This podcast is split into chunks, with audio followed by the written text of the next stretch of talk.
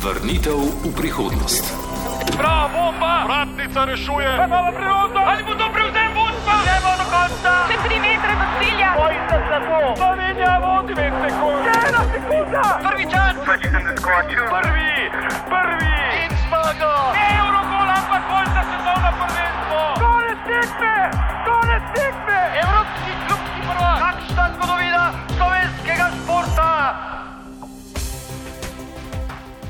Brane Oblak je eden najboljših slovenskih nogometašev. Leta 2003 je bil izbran za slovenskega nogometaša petih desetletij. Na takrat precej zaprtem nogometnem trgu se je prebil Nemško ligo, pečat pa pustil tudi pri Hajduku in jugoslovanski reprezentanci. Leta 1974 je bil na prvenstvu v Nemčiji izbran najboljšo enajsterico svetovnega prvenstva. Sicer pa ga skoraj ni poročevalca z včerajšnje tekme, ki oblaka ne bi ocenil najbolje. Za Čimovičem tako dobro vodita igro jugoslovanske reprezentance, da nasprotnik lahko računa na uspeh le, če to dvojico onemogoči. Kakšen je bil Brane Oblak kot igralec, kakšen poznaje kot eden od slovenskih nogometnih protagonistov v obdobju samostojnosti, kdo od zdajšnjih reprezentantov po igri najbolj spominja na njega, odgovore iščeva s tokratnim gostom Boštjanom Janežičem, s katerim ugotavljava še pomen reprezentantov, ki so igrali v reprezentanci nekdanje skupne države o postavljanju temeljev slovenskega nogometa. Časovni stroj. Dajmo bojan samo še nekaj sekund! Bravo Petra, Petra je tretja! Mateja Svet je zmagovalka! Primoš Peter, kaj daleč ti? Slovenija slavi, konec je, konec je! Novo epizodo serije Vrnitve v prihodnost eh, posvečamo nogometu in sicer Branetu Oblaku, enemu najboljših slovenskih nogometašev. Eh, Boštjan Janežič je tokratni gost ob eh, seveda številnih izjavah in pa vtisih, ki boste slišali tudi strani tokratnega osrednjega lika Braneta Oblaka. Izbran je bil za najboljšega slovenskega nogometaša oziroma za nogometaša 50-letja. To je bil kar zahteven izbor. Brane Oblak, nogometaš, ki je pustil svoj pečat še pred začetkom samostojnosti, pa je potem recimo v reprezentančnem, delno tudi v klubskem nogometu Slovenija še imela kaj pokazati kasneje in tudi je navdušila. Ja, Brane Oblak je bil izbran eh, za najboljšega nogometaša 50 let, ko se je Slovenija praktično reprezentančno šele ustanavljala. Takrat eh, je predvsem Katanec pomislil, morda tudi Marko Elznar, pa Zlatko Zahovič, zakaj je Brane Oblak nogometaš 50 let, ampak tak bilo je že na konec njegove karijere. Bil je odličen nogometaš, igral v Jugoslaviji, v Nemčiji, uh, bil predhodnik že svoje generacije tudi po fizični pripravi, uh, dobro tehnično podkovan vezist in uh, mislim, da ker je bilo to pred več kot 15 leti, ko je bil izbran za nogometaša 50 letja, za Slovenijo ni bilo takrat uh, nobenih drugih zagat, ampak je bila odločitev kar pravilna. Je Brane Oblak uh... V zdajšnjem času se ga spomnim predvsem kot osebe brez dlake na jeziku, na prvo žogo, veliko krat tudi v samih izjavah. V sami igri ni bilo čisto tako. Danes, če grejo vsi z prve, ne, se praktično ne moreš poškodovati. Ne. Nas so poučili, da moraš ti vedno enega predribljati, potem pa daš. Ne. In višek moraš narediti v igri. Ne. In to je bistvo nogometa.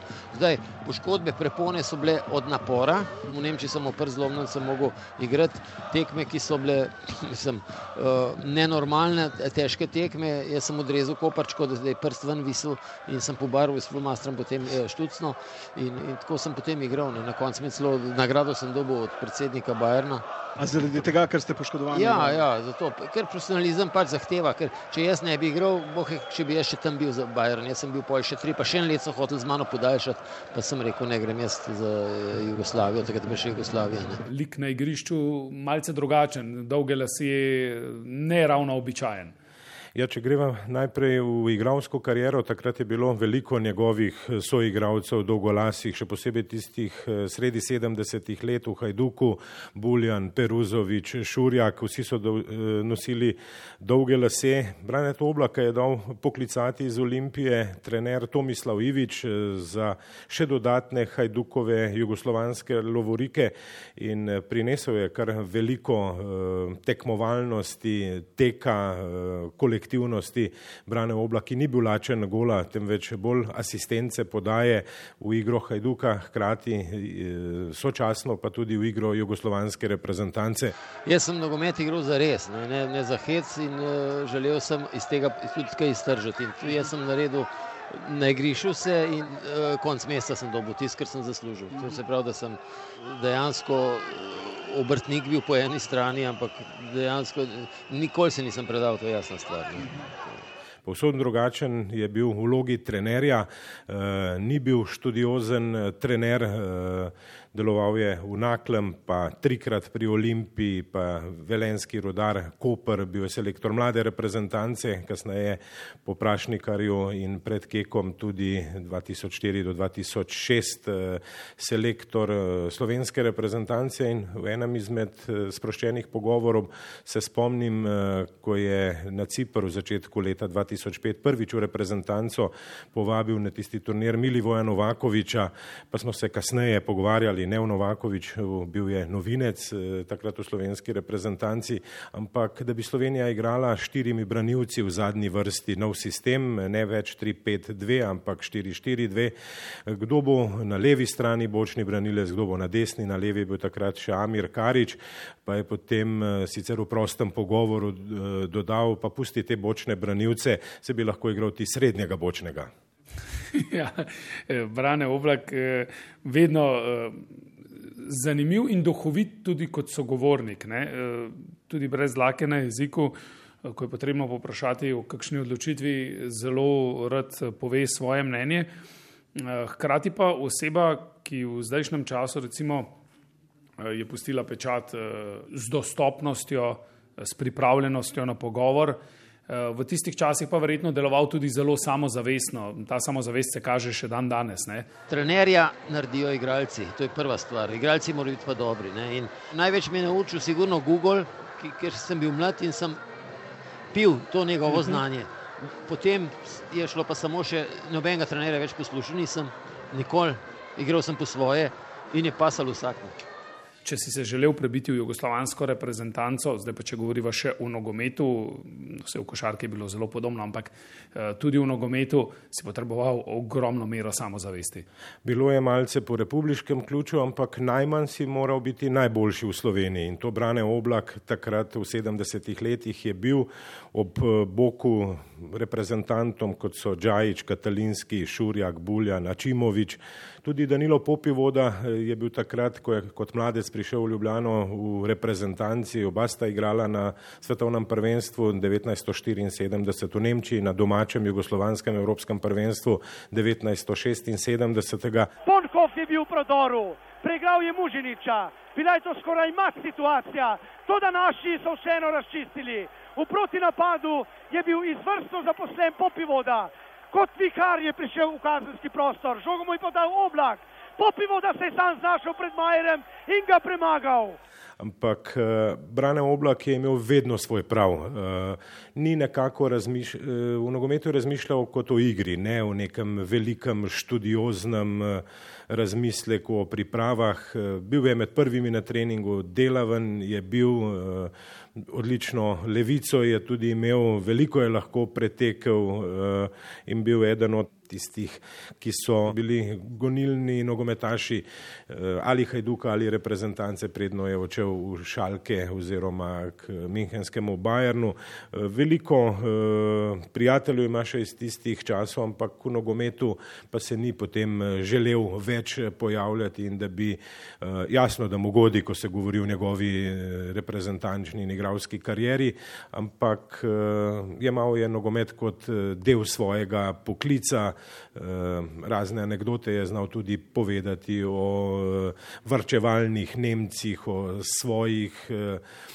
plačilih večerje in podobno, ampak bil je kar priljubljen, jasno pa tudi malce morda enfant terrible jugoslovanskega, slovenskega, hajdukovega, nemškega nogometa, tako da mu je bilo težko priti do dna, še bolje ga poznata starejša kolega pokojni Mirko Strehovec, pa upokojeni delov novinar eh, Franci Božič, ki je imel od Braneta oblaka tudi veliko, veliko podatkov takrat v eh, tistem eh, času njegove najboljše zlatega dela karijere. Če imamo v mislih jugoslovansko reprezentanco in uveljavljanje slovenskih igralcev v njej, omenil si, potrebno je bilo biti že po nekem nacionalnem ključu najboljši najprej v Sloveniji, je bilo potrebno igrati tudi v drugih delih države. Eh, je bila tudi to pot do reprezentance, se je dalo iz slovenskih klubov sploh priti v reprezentanco. Tudi na ta način ne, se je gradila njegova pot. Ja, vsi, ki so potem še eh, igrali za jugoslovansko reprezentanco, so eh, morali igrati za večje klube. Po eh, njem sta igrala eh, pri Dinamu in Partizanu Srečko Katanec, pri Crveni zvezdi Marko Elzner, eh, tudi oba z olimpijskima kolajnama iz Los Angelesa. Brane Oblak je šel eh, k Hajduku iz Olimpije. Eh, en nastop za jugoslovansko reprezentanco, eh, za SFRJ ima tudi Ivan Toplak 1956, ko se je iz Maribora prek drugoligaške olimpije preselil v Crveni zvezdi in napravil kariero. Že pred njim pa sta bila v kraljevini Srbov, Slovencev in Hrvatov nogometaša Stanko Tavčar, ki je igral na olimpijskih igrah, bojda hitro nogi nogometaš leta 1920 v Antwerpnu, od leta 28 do 34 pa je bil v Zagrebu vratar Max Mihelčič, tudi slovenec, ki je nastopal za nekakšno skupno državo, ampak prebijanje Braneta Oblaka je bilo hitro prek Hajduka, pa potem pri 28 letih, ko je lahko že prej zapustil tudi Jugoslavijo in uh, se preselil najprej k Šalkeju, potem uh, v Nemčijo, ampak napravil je res ob boku teh največjih nogometašev v tistem času izjemno kariero. Bil je igralec uh, z veliko domišljije, uh, je bil takrat nemški nogomet uh, tudi drugačen uh, ali najbolj odprt za igralce tega prostora zakaj izbor ravno Nemčija. Eh, vem pa, da večkrat eh, v svojih intervjujih potem znal povedati, ne, da to, bil, to so bili prestopi v najboljše klube, oziroma to je bilo pač že takrat jasno, da če si igral v Nemški ligi, si bil pač v eni najmočnejših lig. Ampak zakaj je izbral morda ravno Nemčijo? Tam so igrali zelo sistemski nogomet. Eh, predvidljiv, Brano Oblek je bil ravno drugačen, nepredvidljiv in verjetno je izbral to pot, eh, enako tudi, eh, ko je šel k Hajduku, že na postavljeno igro, potem nekaj novega z enim igralcem, ki je lahko dodal svojo noto. Podobno pa tudi v Nemčiji, kjer eh, nisem sodeloval kasneje pri Bayernu, ampak bil soigralec velikih asov, kot, sto, kot sta Breitner, Rumenige in drugi nogometaši, prav tako Franz Beckenbauer. Beckenbauer je bil moj menedžer z Bayernom tudi pol me kupoval me on v, v, v Kozmos. In jaz sem imel že pogodbo z Bajernom narejeno za tri leta, tako da nisem mogel polijeti, ampak še po tismu bi pa lahko šel je pa žena rekla, da gremo domov iz Nemčije, ker so otroci morali v šolo. In uh, se je s svojimi potezami uh, na igrišču zapisal uh, v srca tudi nemških, bavarskih ljubiteljev nogometa. Ja, če imamo v mislih osrednjo zgodbo današnje epizode, je to seveda zgodba Braneta Oblaka, ko je bil izbran v enajsterico najboljših nogometašov svetovnega prvenstva. In te daljne enajsterice sicer na koncu zvodenijo, ne? zanima nas, kdo je svetovni prvak, ampak je pa zelo pomemben podatek, kakšen počat pustiš na igrišču in ne na zadnje, kako izstopaš. Je takrat Brane Oblak izstopal v jugoslovanski reprezentanci tudi zaradi svoje kreativnosti ali še česa drugega? Takrat je bil eden izkušenih nogometašev, to je bila že, že tista doba po Draganu Džajiču, bil je vodja igre jugoslovanske reprezentance in je izstopal s tekom, s tehnično dovršenostjo, lahko je igral dobro, uspešno na turnirskem načinu tekmovanja, s fiziko nikdar ni imel problemov tako da so ga v Nemčiji takrat na svetovnem prvenstvu izbrali v to idealno enajsterico, ki jasno zbledi, ampak ni zanemrljiva, eh, tako kot si omenil. Je ta uh, idealna enajsterica, uh, verjetno si pogledal tudi, kdo je še bil v tej idealni enajsterici, kakšna so to imena, bok, komu je bil takrat Brane Oblak?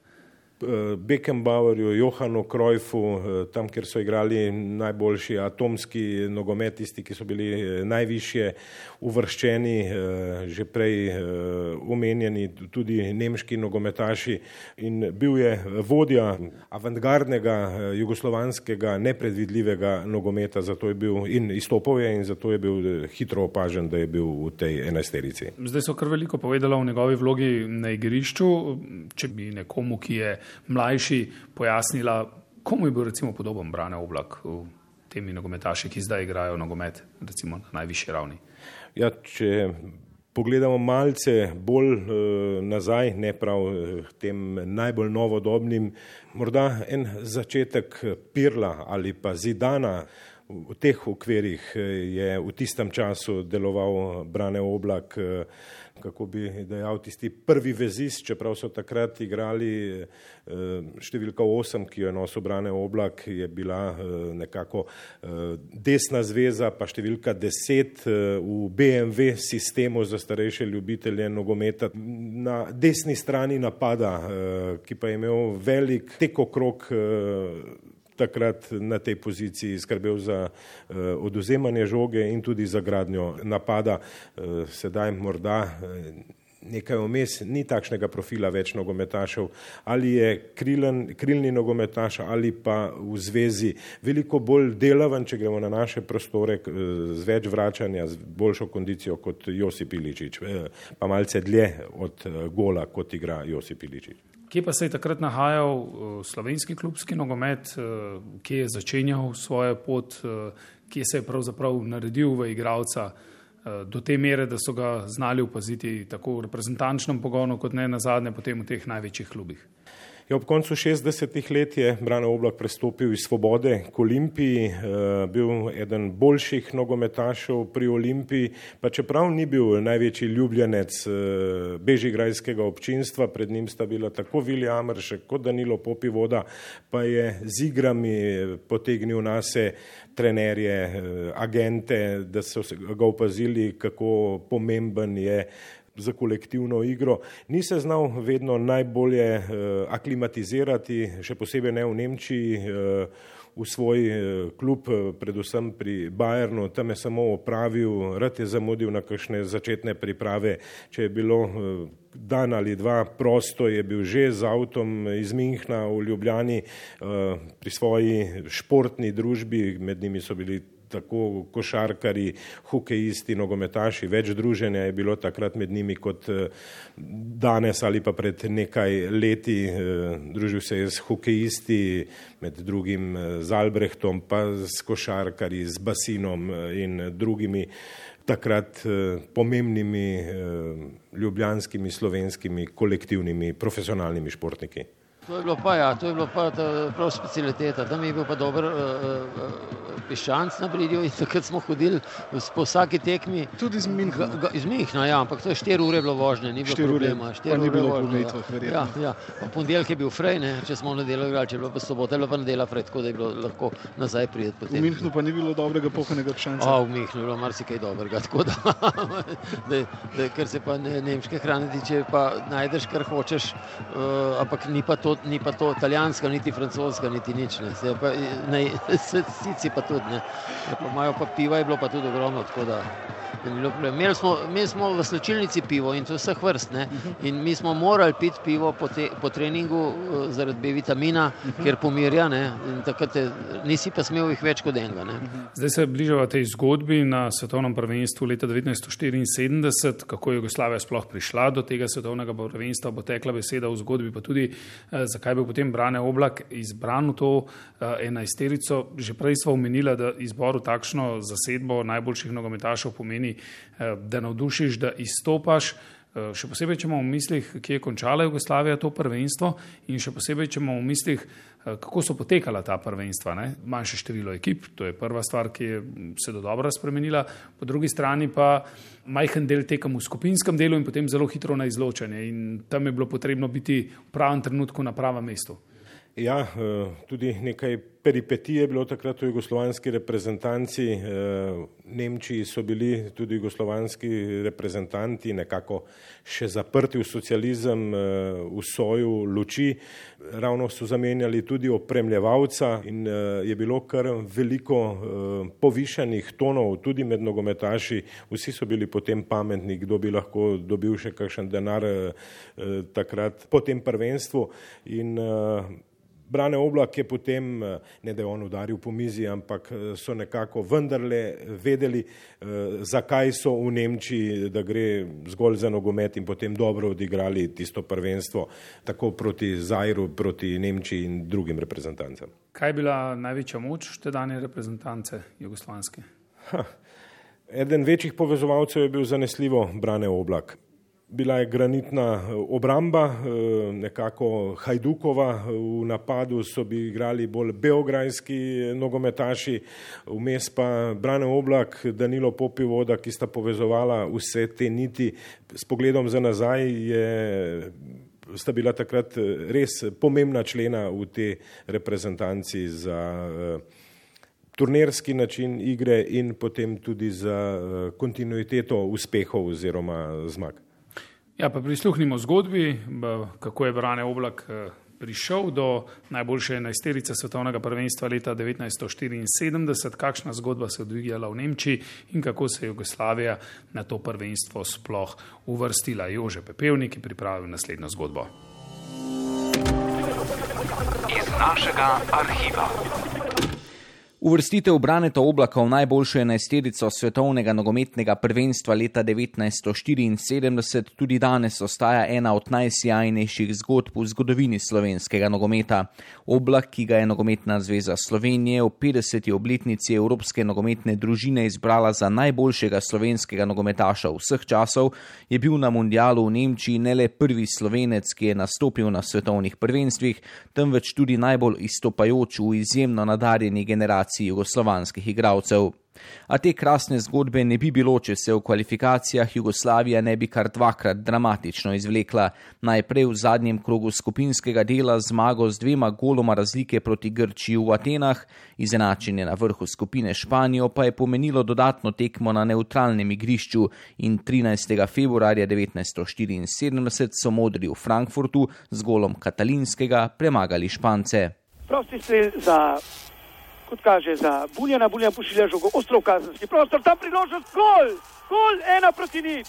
Bil je to Šurjak, bil je to Šurjak, vodimo ena proti nič. Ne Katalinski, srednji krilec Katalinski, tam je bila nepopisna gneča, torej Katalinski, ena proti nič. Najprej je streljal, vratar Iribar je žogo odbil, tudi Katalinski jo je pacu vseeno spravil v mrežo. Brane Oblak je na mundialu v Zahodno Nemčijo prišel kot aktualni jugoslovanski državni in pokalni prvak s Hajdukom in zdaj že uveljavljeni članski reprezentant. Za seboj je imel 26 nastopov in 4 gole za Jugoslavijo, tako pa je razmišljal pred odhodom na svoje prvo in kot se je žal izkazalo, tudi zadnje svetovno prvenstvo. Pa mislim, so priprave dobro potekle, da nam vreme ne nagaja, kot nam je začetka, ker je uh, dež je stalno padel. In mislim, da je vse v redu. Kar se mene tiče, jaz uh, rabim več tekem, kot jih zdaj igram. Mislim, da sem kar malo izgubljen v igri in mislim, da to popravim. Če mi Brazilijo premagamo, pa smo skoraj sigurni, uh, pridemo v drugo skupino. V V ambiciozni reprezentanci je oblaku takrat družbo delal še rojak Danilo Popivoda, ki je zaigral v drugem delu prvenstva. Med 22-terico izbrancev selektorja Miljaniča pa je bil le še en, ki je del svoje karijere preživel na slovenskih tleh. Vladislav Bogičevič je štiri leta pred mundialom eno sezono kot posojen nogometaš Crvene zvezde preživel v Mariboru. Dr. Gustav Heinemann, predsednik Zvezdne republike Nemčije, je odprl deseto svetovno prvenstvo ob bučnem odobravanju polnega Waldstadiona v Frankfurtu. In po tej otvoritvi bosta na igrišče prišli obe reprezentanci, Brazilija, trikratni svetovni prvak in pa Jugoslavija, ki se bosta srečali v uvodni prvi tekmi desetega svetovnega prvenstva. Brane Oblak je tako kot celotna reprezentanca bolje odigral prvi del turnirja. V slovensko nogometno zgodovino bo za večno ostal upisan njegov gol proti Zairu, eden od devetih jugoslovanskih tisti dan, v spomin starejših ljubiteljev nogometa pa predvsem njegova predstava na otvoritveni tekmi prvenstva. Dvoboj Jugoslovanov in takrat aktualnih svetovnih prvakov Brazilcev je najbolj zaznamoval prav Oblak, ki je diktiral tempo igre modrih in bil udeležen v vsaki omembe vredni akciji svoje ekipe kar je po besedah Mirka Strehovca tisti dan v Frankfurtu prepoznal tudi sleherni poročevalec. Sicer pa ga skoraj ni poročevalca z včerajšnje tekme, ki oblaka ne bi ocenil najbolje. Za Čimovičem tako dobro vodita igro jugoslovanske reprezentance, da nasprotnik lahko računa na uspeh le, če to dvojico onemogoči. Ljubljančan je bil v drugem polčasu, ko so Jugoslovani nadigrali Brazilce, tudi najbliže zmagovitemu golu, a mu je veselje po strelu z glavo preprečila vratnica.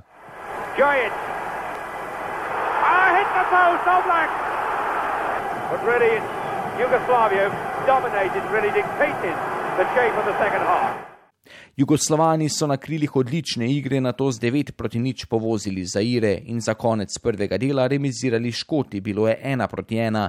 Brane Oblak je odigral prav vse minute prvega dela, proti Zairu pa kot rečeno zadev z prostega strela. A to, kot je povedal Slavko Jeriču v podkastu številke ob svojem 70. rojstnem dnevu, še zdaleč ni bil njegov najlepši gol za Jugoslavijo.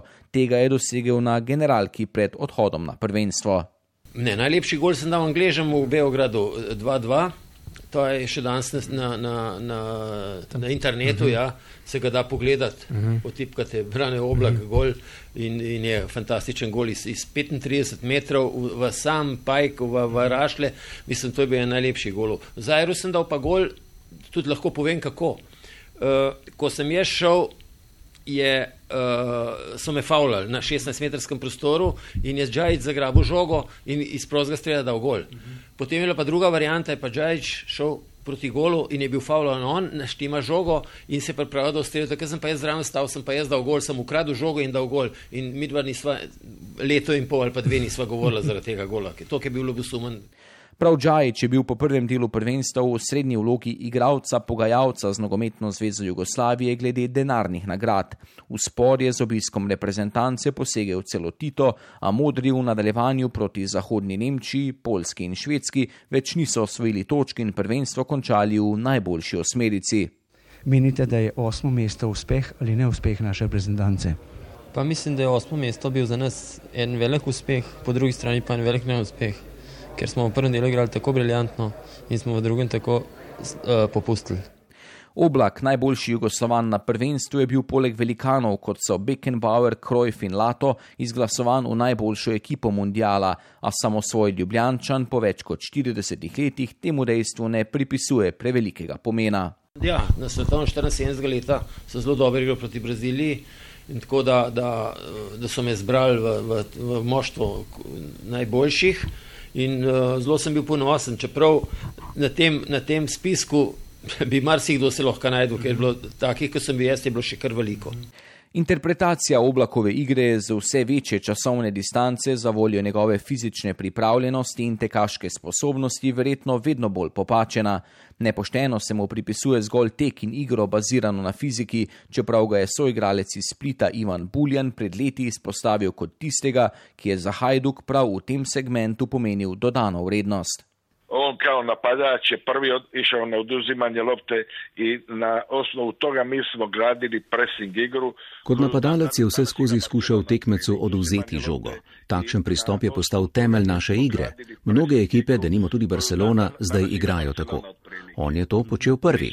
Že na treningih, ko je odšel v Nemčijo, pa smo ohranili tak pristop. Bil je začetnik avantgarde jugoslovanskega nogometa. I kad je Brane otišao, osta, ostalo je to. Ali on je bio začetnik te avangarde, tako reći, u, u jugoslavskom nogometu. Splitski Hajduk je po mnenju mnogih, tudi njegovih soigralcev iz prestolnice Dalmacije, preskok od kandidata za naslov do prvaka storil prav z nakupom odličnega Ljubljančana. V dveh sezonah v Splitu je oblak Hajduku pomagal do dveh državnih in pokalnih naslovov, v tem času pa postal nepogrešljiv član prve jugoslovanske enajsterice. Podoben vpliv na igrišču je imel tudi pri Šalkeju in Bayernu, slednjim se je veselil naslova nemškega prvaka. V Minhnu je zelo dobro zapisan iz besed Karla Heinzea Rumenigeja veje spoštovanje. He was like a machine telling you from the physical point of view because he, he was he had a had a body that was like one muscle. Bil je kot stroj, vam povem. Njegovo telo je bilo ena sama mišica. To takrat ni bilo normalno, da je telesno tako dobro pripravljen nogometaš znal tudi toliko narediti z žogo.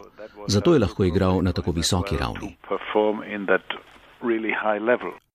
Poleg izjemne tehnike, igre z obema nogama in discipline, zaradi katerih si braneta oblaka z lahkoto lahko zamislimo tudi v sodobnem nogometu, ga je odlikovala še ena lasnost. Soigravce je tako rekoč povsod, kjer je igral, delal boljše koliko prevaga, recimo, kakšna zadeva, ne? ker jaz sem ogromno, jaz sem ogromno pretekel, težko sem gol dal, ker sem rajš podal. Ne?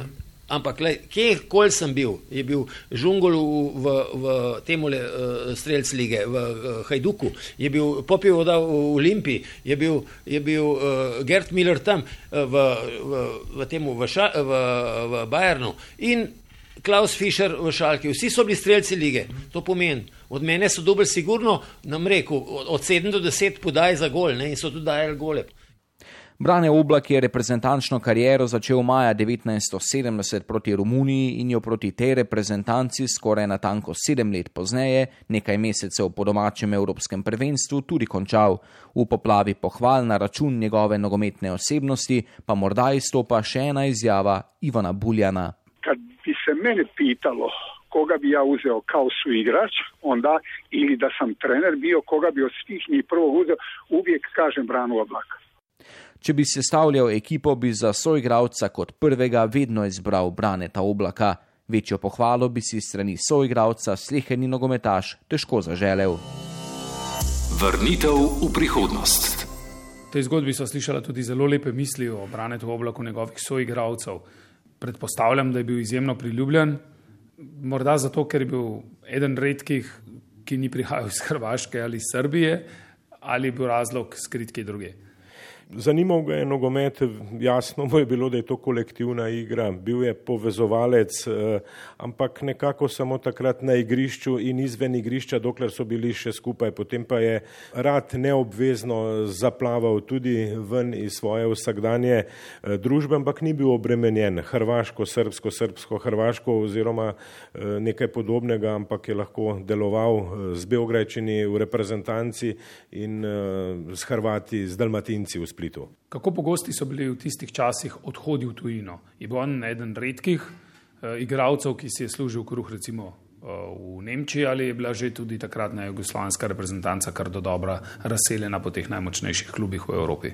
Takrat je bilo pravilo v jugoslovanskem nogometu, da lahko v tujino odidejo nogometaši šele po 28. letu, da je bila jugoslovanska liga lahko v tistem času tako močna, kot je bila da je bilo veliko dobrega prvenstvenega klubskega nogometa.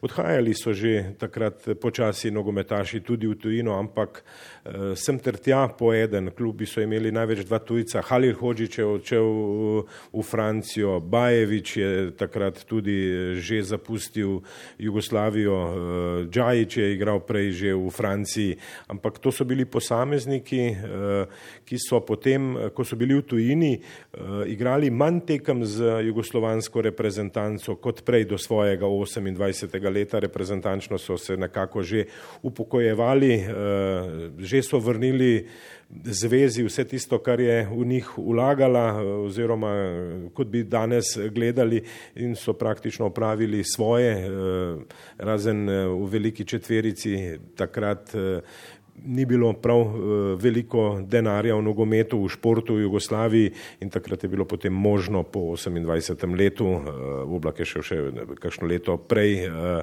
v tujino, da so si potem nekako lahko nogometaši, med njimi tudi oblak, rešili, reševali eksistenco. Brane oblak še v času, ko seveda potem ni uspel dočakati eh, slovenskih eh, reprezentančnih nastopov, njegov naslednik v jugoslovanski reprezentanci, kar precej logičen je bil potem Srečko Katanec, sicer na drugem igralnem mestu. Če govoriva o vlogi slovenskih eh, nogometašov na splošno v Jugoslaviji, Umenil si že prej štiri nogometaše, štiri predhodnike Braneta Oblaka, ki so igrali ali za Jugoslavijo ali za Kraljevino. Po drugi strani pa teh nogometašev ni bilo prav veliko je bil nabor toliko skromnejši ali preprosto uh, moč takrat nogometa v drugih delih uh, skupne države večja? Ponudba je bila 22 milijonske Jugoslavije in uh, v Sloveniji nogomet ni bil uh, najviše.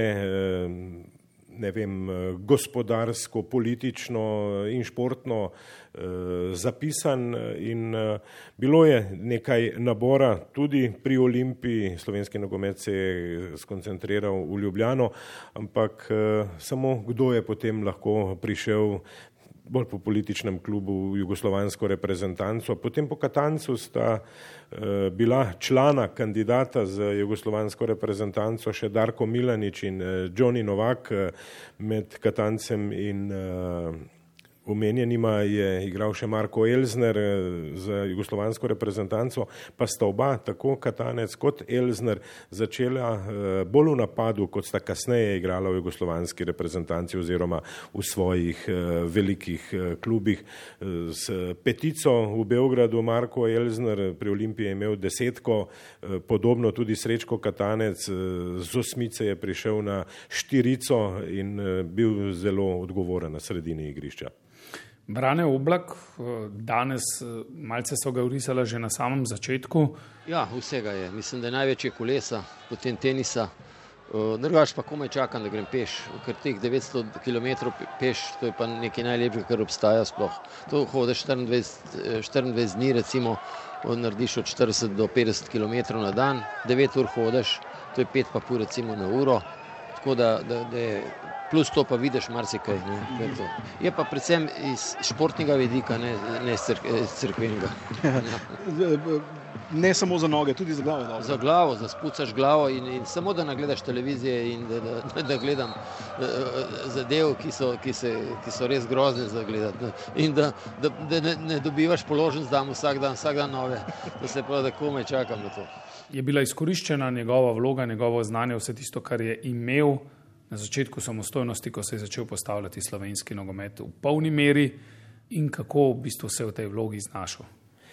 Ja, takrat je Brano Oblak eh, po nekaj eh, odmora po karieri, ki jo je še eh, vlekel v amaterskih avstrijskih ligah, igral je dolgo časa tudi za špital, je verjetno mu vse skupaj nekako padlo v vodo oziroma znižalo je njegove tiste eh, parametre iz jugoslovanske reprezentance na slovensko reprezentanco. Sedaj imamo svojo reprezentanco, prej je bil eden, morda dva v jugoslovanski reprezentanci izmed njegovih eh, rojakov, slovencev.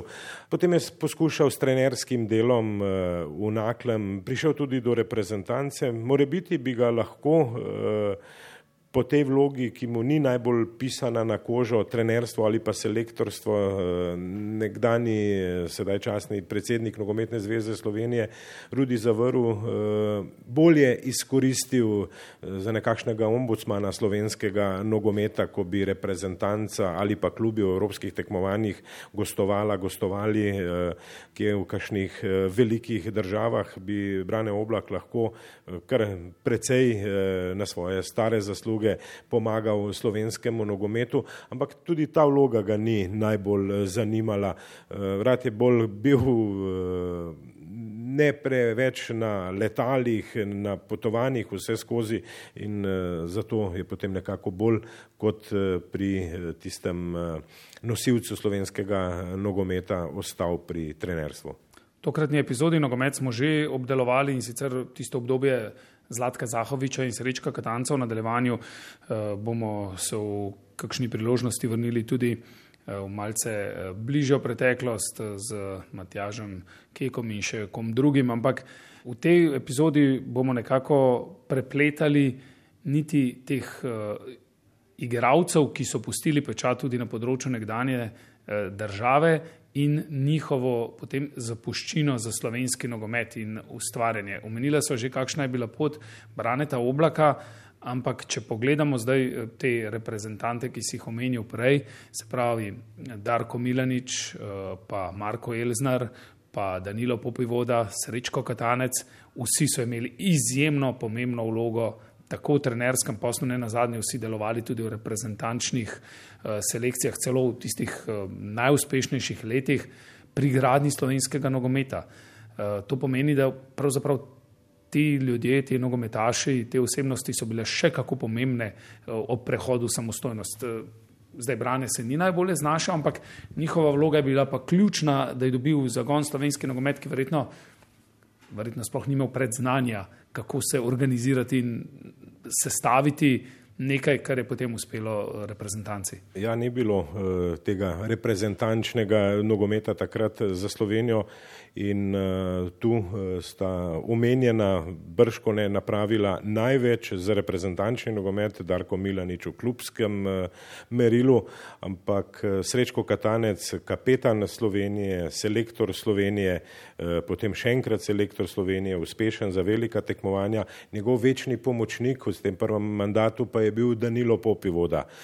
To pa je gospod, ki je velik povezovalec mladih, starih, srednjih, nekdanjih, samo da smo vsi za isto stvar, pa se ne delimo potem na naše in vaše.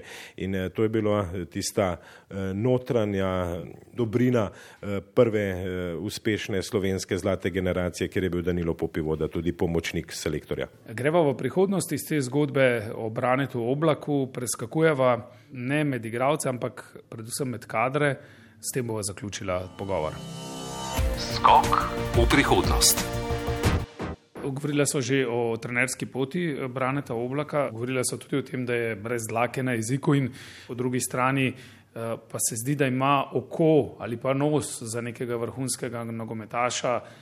Jan Oblak dobil priložnost pod njim. Skratka, če ni sistematično graditeljski kot trener uspel, pa je prepoznal nekaj obrazov, ki bi lahko ali pa so, pa še vedno dajejo dodano vrednost slovenskemu nogometu. Morda bi bila še boljša pozicija kot trener za Braneta Oblaka, ne vem, svetovalec ali pa morda agent.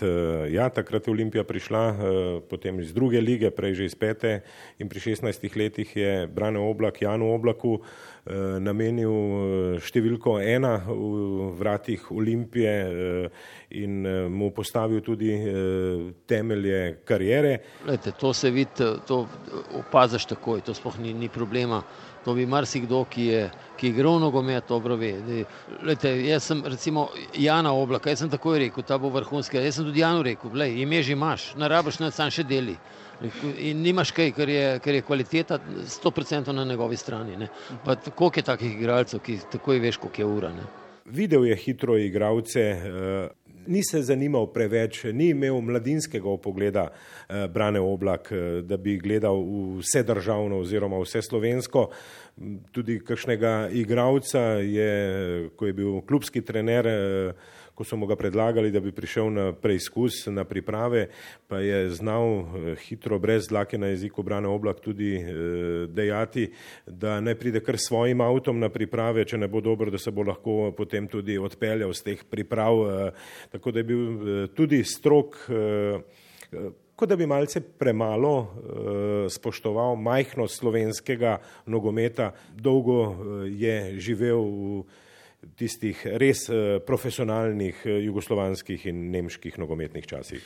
V prvi nogometni epizodi te serije so govorila o primerjavi z Latkom Zahovičem, iskanju recimo njegovega naslednika. Kaj pa v trenerskem pogledu, kjer oblaku ni uspelo, morda tudi ob razvoju Eh, nove stroke. Tudi stroka se je začela oblikovati ne, v času slovenske samostojnosti in eh, nekateri eh, igravci, ki so sicer igrali morda v nekih mlajših starostnih kategorijah, pa tudi še morda v prvi slovenski nogometni ligi, ampak zdaj postajajo zelo kakovostni trenerji. Ne.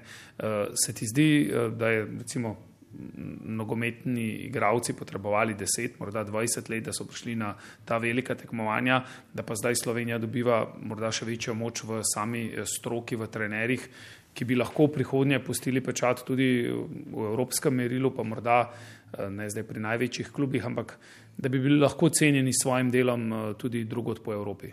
Ja, stroka zanesljivo, zelo angažirano gleda na razvoj nogometa, je študiozna, se izboljšuje, ni več tistih motivacijskih, navadnih, starih trenerjev, ampak veliko priprav, sprememb, študioznosti, tako da je razvoj tudi tega, če bo v slovenskem nogometu, športu, Eh, dovolj eh, denarja. Posredno je to za mladinski šport denar, kjer se vsi skupaj eh, delujejo, rastejo in dvigujejo tako igravci kot tudi potem strokovnjaki. Brane Oblak je bil eden od teh še tistih, ki se je učil še iz časopisa, ne z interneta, od svojih predhodnih trenerjev. Sedaj pa bi to v prihodnosti seveda bo precej drugače in tudi naslednji nogometaš 50 letja ali pa stoletja to za Slovenijo zanesljivo, zagotovo tudi v igravski karieri trenerska karijera njegova je tako slabši del življenja pisa, ko govorimo o Branetu oblaku, bo uh, verjetno nekdo drug, ki bo zamenjal. Uh, če pa znova oblak. Stole, mor, uh, kandidata, če ne bosta slovenska vratarja oblak in Handanovič zelo uh, okronana z lovorikami, uh, imata dobra proti kandidata ali pa uh, vsaj tri proti kandidate, eh, še ne vem, Zlatko Zahovič, Milivojo Novakoviču, najboljših eh, reprezentančnih slovenskih streljcih, pa tudi eh, morda v Josipu Iličiču, če bo to reprezentanco odpeljal na kakšno veliko tekmovanje. Kot smo govorili o stroki in tem razvoju novih mladih nogometnih trenerjev, pa bi tokrat v bistvu pogled v prihodnost, zaključek usmerila k temu, si predstavljaš kdaj kakšnega slovenskega trenerja, na čelu evropskega velikana, recimo tako kot je odšel brane oblak takrat v neobičajnih častih v Bayern, bi se lahko zgodilo, da bi kdo od slovenskih trenerjev vodil takšnega velikana. Zdaj eh, dva uh, mlada slovenska trenerja imata uh, v tujini kar precej spoštovanja trenutno, Jelznar in Rožman, ki sta oba recimo v prvih letih, dobro, Hrvaška je še korak nazaj, ampak uh, poti uh, so odprte marsikomu zdaj v tujino. Uh, je moč pričakovati, da bi tudi slovenska stroka dosegla podoben ogled, kot so ga dosegli že nogometaši? Nisem skeptičen, ampak morda uh, super trenerjema, ki sta na pravi poti, uh, tudi za njimi, zanima še kakšni trenerji, pa morda primankuje če je danes to še pomembno v športu, še kaj, ne vem, igravskih izkušenj, motivacije, ne samo študioznosti, eh, tako da je potrebno, eh, dober trener je danes eh, teže postati kot nekoč, ena resna kompletnost omenjenih, da bi bili ob študioznosti še potem motivacijsko, lidersko uspešni. Bila so z Branetom Oblakom na popotovanju v letu 1974, takrat jugoslovanski reprezentanci, po dolgem času smo slišali, je slovenski nogometaš zaigral na svetovnem prvenstvu. Zdaj Slovenija je že bila na svetovnem prvenstvu in to dvakrat, večkrat kot na evropskem prvenstvu. Tvoj pogled v prihodnost, bo Slovenija prej znova na evropskem ali svetovnem prvenstvu? Če stavim na Josipa Iličiča, je potem uh, Slovenija eh, še tretjič na svetovnem prvenstvu. Uh, pa samo enkrat na Evropskem prvenstvu. Če pa bolj na širjenja evropskih prvenstv z veliko udeleženkami, pa potem jasno, da bi bilo lažje se prebiti med 24 terico na evropsko prvenstvo, kot pa med evropsko 13 terico, pa če tudi bodo povečali na 16 za evropske reprezentance na svetovno prvenstvo. Tudi ta reprezentanca letos še brez tekem, ki jo vodi Matjaš Kek, ni uigrana, morda manjkata samo še dva kamenčka in bi ta reprezentanca zmagovala za gol ali pa pol gola, ne pa izgubljala za pol gola, ampak na točkovnem računu bi bilo to precej drugače. Hvala, Boštjan Janežič. Zgodba Braneta Oblaka nekako pripeljana tudi do slovenskih trenerjev in na koncu upanja, da bi slovensko reprezentanco zdaj v bistvu že na naslednjem velikem tekmovanju na svetovnem prvenstvu videli medelito, na evropskem prvenstvu pa bodo slovenski nogometaši zgolj v vlogi gledalcev. Hvala za tale pogovor in seveda predvsem upanju, da Slovenija še kdaj najde kakšnega Braneta Oblaka.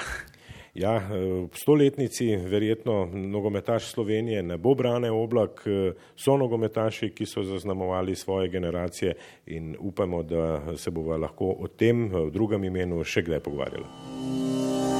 Vrnitev v prihodnost. Mislim, oprostite vse skupaj, ampak bom drugič kaj več povedal. Naslednja epizoda sledi v torek, ko v središče pozornosti postavljamo Tino Maze in njeno prvo kolajno na svetovnih prvenstvih.